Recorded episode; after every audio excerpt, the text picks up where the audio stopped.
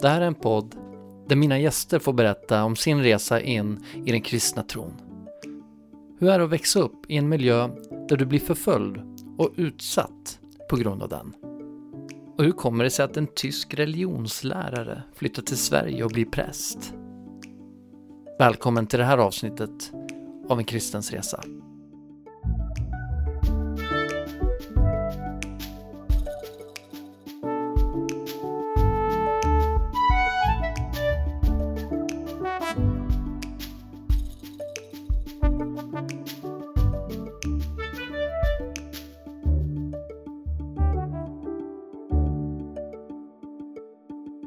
Alltså det, på syrianska säger man abuna. Ja. Men om man eh, ja, översätter på eh, svenska, då blir fader. Fader Melek. Ja. Välkommen till den här podden. Tack, tack Jimmy. 2006 flyttade Melek och hans familj från Tyskland till Sverige för att bli präst i en av Västerås syrisk-ortodoxa kyrkor samt Kyriakos församling. Han kommer ursprungligen från Turkiet och tillhör ett folk som utsatts för folkmord, förföljelser och trakasserier. Det har sagts att syrianer utan sin religion antagligen inte skulle ha funnits som folk idag. Jag ställer frågan, som jag brukar göra till mina gäster. När började resan mot en egen kristen övertygelse? Först, först och främst, jag är född i, i kristen familj. I Turkiet då? I Turkiet, ja. Eh, men sen också när man med tiden man frågar sig absolut varför eh, kristen tro? Varför inte annat? Och när man själv försöker se vad är skillnaden mellan, mellan då kan man se att den här tro som vi, som våra förfäder överlämnade till oss, tro på Jesus, hur det gick till, hur det började, det är eh, mycket unik och fantastisk. Eh, Så eh, jag kan inte tänka mig att tro på någonting annat än tro på Jesus. Hur, hur såg miljön ut där? Var det många som var kristna? Eller hur, var det svårt att vara kristen? Det var mycket svårt. Alltså, eh, vi var eh, inte så många. Alltså, Alltså, vi, vi bodde i en by som var eh, bara tre familjer. eh, Och den andra by, alltså den, eh, de andra var eh, muslimer. Eh, och vi hade verkligen mycket svårt. Alltså den här förföljelse, alltså troförföljelse. Um, en dag var vi vänner, men nästa dag var vi fiender. Alltså de behandlade oss på det sättet. Alltså. Och ibland, så det var, det var Men eh, hade du vänner och ni som familj, hade ni muslimska vänner som respekterade er tro? Ja, eh, som jag sa också, eh, vi hade vänner, men eh, problemet var när de till exempel gick till moské och det kom någon imam och berättade att vi kristna är orena. Då blev plötsligt eh, helt annat. Då blev vi fiender. Mm. Ja, så det fanns den, de situationer att det fanns vissa som vi var, alltså vänner, men problemet var att när de till exempel gick till moské och, eh, och fick veta, eller alltså imamen berättade att vi kristna är eh, orena. Vi eh, kristna tror på tre gudar. Eh, på arabiska säger man eh, mushrikin. Eh, och då mm, helt plötsligt, vi känner inte varandra. Mm. Så det var, det var en svår situation. Alltså, um, man visste inte hur, varför blev det så plötsligt. Alltså, Mm. vi hade, vi hade eh, till exempel mark och, eh, och försökte alltså, jobba med det. Men ehm, de brände upp till exempel. eh, Och det, det, var, det var svårt. Som alltså. brände upp er mark? Ja, exakt. Alltså när man typ, eh, planterade någon eh, vete eller någonting. Ja, så det var alltså, de försökte. Vi hade till exempel eh, vindruvmark. Ja, okej. Ja, vi kunde inte, alltså, polisen gjorde ingenting. Uh, alltså vi hade inte den uh, rättigheten att, att, att gå till polisen och att, att polisen tar hand om uh, på det sättet att, att försvara oss. Mm. polisen själv gjorde ingenting. Alltså. Och då var alltså, det blivit dubbel, dubbel straffat också. Alltså det hotad och, och alltså, när man gjorde det. Så, mm. Sen blev alltså det blev också en, en, en faste från mig också. Blev kidnappad eh, med 13-14 år. Kidnappad och eh, bortgiftet. Alltså mm. var tvungen, alltså de, de har kidnappat henne och bortgiftat henne. Okay. Eh, och, och, man var rädd att kanske det, händer, det kommer de ta andra uh, tjejer och, och och, så det var... Det, det hände när du var barn alltså? Ja, när jag var barn. Ja, mm. Och hon bodde också nära er? Ja, ja samma, ja. samma by. Ja. Sen efter, um, när jag var nio år, så var vi tvungna att lämna den här byn och gå till lite annan stad som är kanske lite mera uh, kristna. Mm. Uh, Flyttade ni dit? Då? Vi flyttade dit, mm. ja. Så ungefär 10 kilometer alltså var från mm. vår uh, by uh, långt bort. Så vi flyttade dit. Men där var också inte så lätt. Alltså, som kristen var alltså, vi behandlades Eh, orättvis mycket. Alltså vi fick mycket orättvishet i skolan, mm. i någonting annat. Alltså, alltså när man till exempel försökte köpa någonting. Eller, alltså det, var, det var svårt. Mm.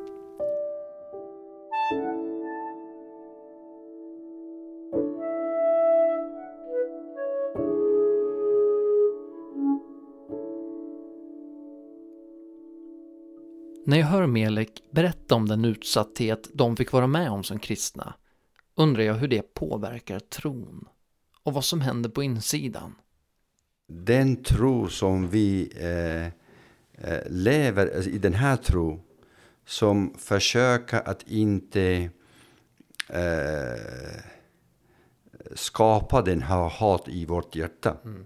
Så eh, hade, hade vi inte eh, trott på eh, alltså den här kristen tro med Jesus och hur han gick igenom det, hur han behandlade sina motståndare. Hur, eh, det, det är den förebilden som vi försöker leva efter.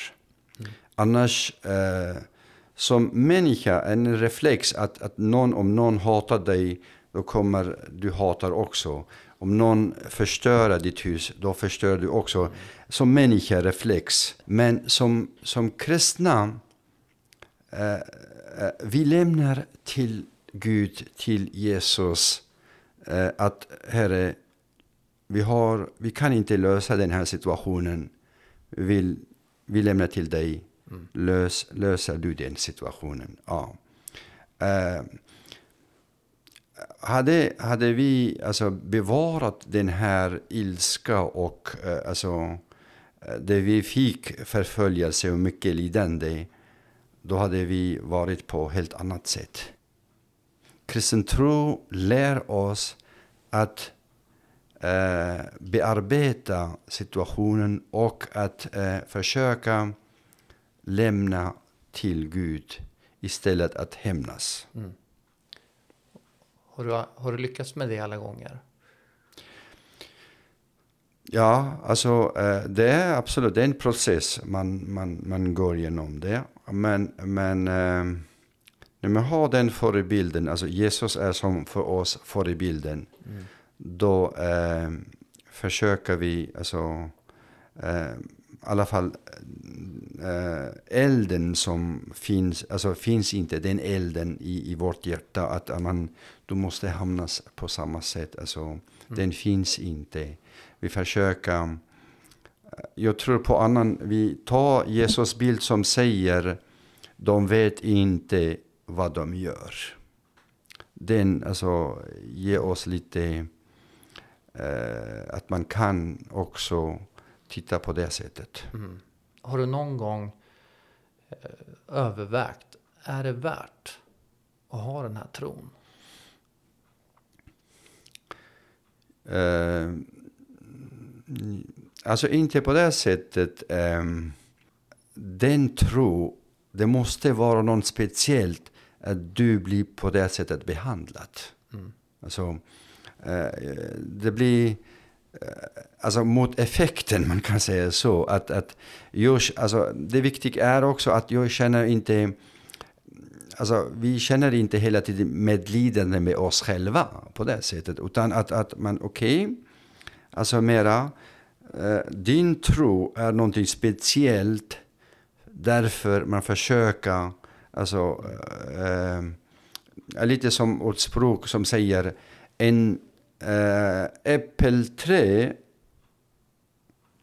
finns, alltså äppel på en, en trä man brukar eh, som barn eller eh, man brukar kasta sten på den här äppel, äppel för att ta äpple. Och jag tror att vår tro är någonting speciellt.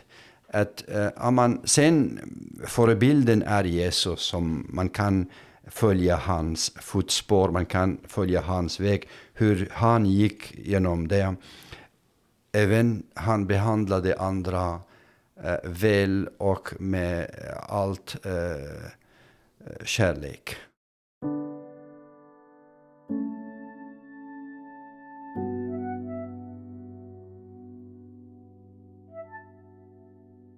Mina kusiner och min faster var, eh, de bodde i klostret i Turkiet. Genom dem fick jag också, gick också till klostret. Mm. Så jag började där också försöka leta efter och läsa bibel och, eh, och se bygga en tro och studera eh, enligt syrianska eh, eh, psalmar och, och kyrko... kyrko eh, alltså var det som en skola där? På det var en som, som skola, ja. Och som, som en, eh, en internatskola? Exakt, man, okay, exakt. det var som en internatskola. Ja. Aha. Så man, man, man försökte eh, alltså vara där, samtidigt också gå till turkiska skola. Mm. Men också syrianska skola, att kunna alltså, lära sig syrianska språket, eh, melodi, eh, psalmar och mm. bibel. Eh. Var det gudstjänster eller bö bönsamlingar varje dag som ni skulle vara med Det var varje på? dag. Det var varje dag. Alltså, det var obligatoriskt? Ja, det var på morgonen, middag och eh, kväll. Trodde du som litet barn på Gud? Alltså först eh, i början när man är ett barn så brukar man följa sina föräldrar först. Ja. Men sen när man, när man eh, eh, blir tonårig och ungdom då är frågan varför den här tro, vad är som speciellt den här tro? Och då man försöker med tiden forska vad är som gör skillnaden mellan kristen tro och andra tro. Och när man, när man ser eh, eh, kristen tro, det är kärleken som, som skiljer sig. Alltså, som, alltså grundaren, Jesus Kristus, hur han eh, hur eh, började, hur kristen, eh, kristendomen började. Eh, budskapet, eh, den här friheten att kunna välja eh, kärleken till eh, hur Gud älskar oss, hur han offrar sig för vår skull, hur han försöker ta kontakt med oss. Det, det är en fantastisk... Var det, här, var det här frågor som du jobbar med då i din ungdom? Alltså, jag absolut, den här, eh, i min ungdom så försökte jag fokusera mera, vem är Jesus? Vad, vad sa han? Vad gjorde han? Eh, och när man när jag eh, började att läsa Bibeln, då började för min del att hur Jesus eh, eh, bemötade till exempel främmande. Hur han bemötade fiender, eller de som var mot honom. Hur han till exempel bemötade eh, kvinnor, barn sjuka personer. Det är den som, som gör att det är någonting speciellt alltså med Jesus. Det finns ingen, alltså när man tittar, alla ledare och alla som är, alltså mest är hur är man mot sin motståndare? Det är mycket viktigt om vi fokuserar. Eh, då visar vilken kvalitet, vilken människa man är. När man ser hur man är mot sina motståndare. Hur är, är, man är mot eh, främmande och sjuka. Och, och för den tiden, när man tittar på Jesus, hur han bemöter kvinnor med all respekt och kärlek. Barn till exempel som fanns inte plats i samhället. Men hur han, alltså, Eh, hur han tar en som en förebild för oss vuxna barn. Det är den som gör, wow, vilken, vilken person han, är. är. Och det är sen, sen man börjar, den kärleken som han ger alltså, till sina lärjungarna, till sina medmänniskor, till, till sist han blev korsfäst till ma, mot sina motståndare när han säger Fader, förlåt dem, de vet inte vad de gör. Det, det är fantastiskt. Alltså det, det måste, det, vi människor, det är svårt att förstå hur man kan vara så snäll och kärleksfull med sin motståndare. Hur upplevde du Gud själv? Ja, alltså med tiden när jag försökte alltså leta efter och söker, söker då eh, det kändes min...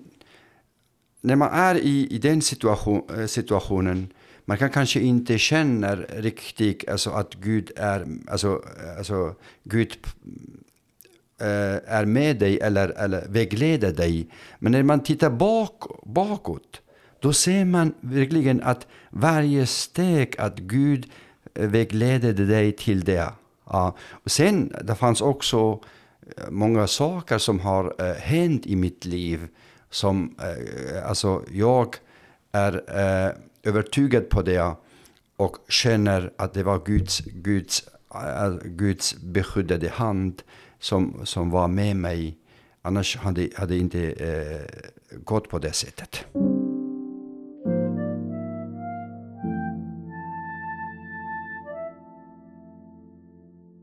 Vi hoppar fram en bit i Meliks liv. Han bor i Tyskland, har familj och jobbar som religionslärare. Men när kommer prästyrket och det okända landet i norr, Sverige, in i bilden? När jag fick eh, kallelse till att bli präst eh, så för mig att bli präst var alltså eh, inte i mina planer, i mina tankar. För det var för mig svårt ämbete, svårt eh, eh, prästerna hade inte så en bra rykte, man kan säga så. Ja. Så det var för mig, det räcker för mig om jag är eh, re- religionslärare. Så eh, där började det så. Eh, eh, när jag eh, blev kallad till och då vägrade jag det. Och försökte hitta orsaker, men det går inte, jag är inte så, ja, jag vill inte, hur ska jag börja, jag har barn, jag har familj. eh, När du, säger, när du säger att du blev kallad, vad, vad menar du då? Eh, när eh, församling här i, i Västerås eh, så fick veta vem jag är. Och, och jag var diakon. Alltså jag försökte eh, i kyrkan var, jobba med ungdomar, med barn också. Så efter det så eh, ungefär tio år. Sen så fick eh, den här församlingen i Västerås eh, få rykte alltså, på mig, alltså vem jag är, hur jag är. Och, så, och då frågade de mig om jag kan tänka mig att bli, eh, bli präst här i den här församlingen, Här i Sverige här i alltså. Sverige. Då kände du inte till någonting om Nej, jag- Sverige eller? Nej, jag kände ingenting. Det var allt alltså eh, främmande för mig. Alltså, och, och jag, eh, jag mådde bra i min, min tjänst där också. Alltså, och sen eh, jag tänkte nej, det, det, det går inte. Alltså, jag, jag kan inte lämna här. Och, Då hade du familj och Exakt. barn? Och... Exakt, jag hade familj och barn. Jag hade fyra barn och familjen och jag eh, jobbade som lärare i tyska skola, eh, religionslärare. Och eh, alltså allt var, var bra. Eh, men någonting som rö- någon röst, när jag bad till exempel Fader vår, då, eh, Fader vår, då brukar man säga din vilja ske. Och då när jag säger din vilja ske, då fick rösten, ja men det stämmer inte, du gör din vilja. Alltså, säger inte det. I början äh, tänkte jag, vad, vad är det för någonting? Alltså, varför de tankarna kommer i mina tankar? Alltså, varför, ja, jag försöker göra mitt bästa. Alltså, ja. Men med tiden så formade den här, ja, man, du säger din vilja ske, men du gör e- ändå din vilja. Alltså att jag gör min vilja. Ja. Så eh, och då tänkte jag, vad är det för någonting? Alltså,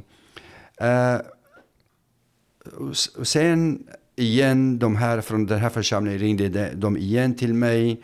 Så jag sa, nej, jag har inte, jag vill inte. Jag, alltså det var, jag försökte alltså, uh, lite skjuta skjuter, ja. skjuter ja. tanke. Ja.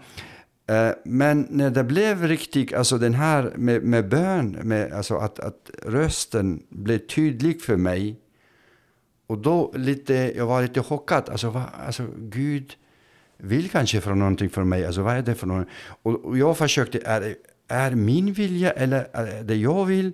Eller är det verkligen Guds vilja? Mm. Så det måste jag urskilja också den. Alltså, eh, och försökte hitta alltså, att jag har lägenhet där och jag har alltså lånat pengar från staden. Hur kommer det bli? Och det går inte och det går inte. Alltså, jag försökte bara hitta orsaker. Men sen när uh, den här... Uh, jag hade en, en vän, mycket troende vän, en tysk vän. Som, uh, vi skojade, han kom och besökte mig. Vi, sko, vi skojade och sa till honom, du, han heter Wilhelm. Wilhelm, vill du, vill du köpa, ta lånet den här Eh, lägenhetens lånet på dig. Jag, jag trodde aldrig att han har någon pengar. Det var alltså lägenheten i Tyskland? I Tyskland, just det. Mm. ja. Eh, och då säger han till mig, om det är Guds vilja, varför inte? Ja, vi skojar. Alltså, ja. Jag tänkte att han skojar också med, med, med mig. Så efter eh, en dag eller två dagar så kommer han tillbaka till mig. Du, du säger han, du, du frågade efter den här om jag, får, om jag kan eller, eh, ta lånet på mig, alltså stadens lån, lägenhetens lån. Eh, jag, har, jag har tittat på mina, eh, det jag har sparat i olika platser och så, till och med i Spanien, så han hade släkt där i Spanien och så.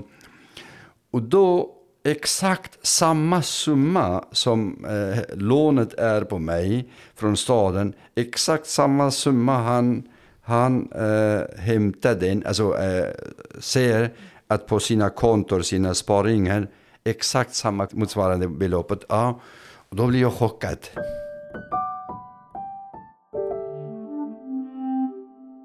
Hur ser du på framtiden då?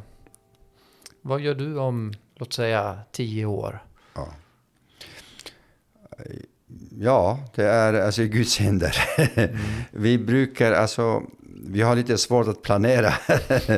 planera alltså tio år eller vi, brukar ha svårt också i planera. Vi, när du säger vi, vilka menar du då? Alltså vi, vi som kommer från Mellanöstern okay. också. Men eh, jag tror eh, vi försöker lägga allt i Guds händer. Mm. Ja. Och eh, vi vet inte vad kommer hända imorgon, vad kommer hända nästa år. Så, eh, ja, så vi, det är också lite, annars eh, det är lite svårt att kunna fundera helt och hållet. Alltså hur, mm. att, eh, säkert är eh, ibland bra också att kunna planera för eh, några år, men mm ibland är det lite svårt. Fader Melek, tack att du ville vara med i den här podden. Tack Jimmy.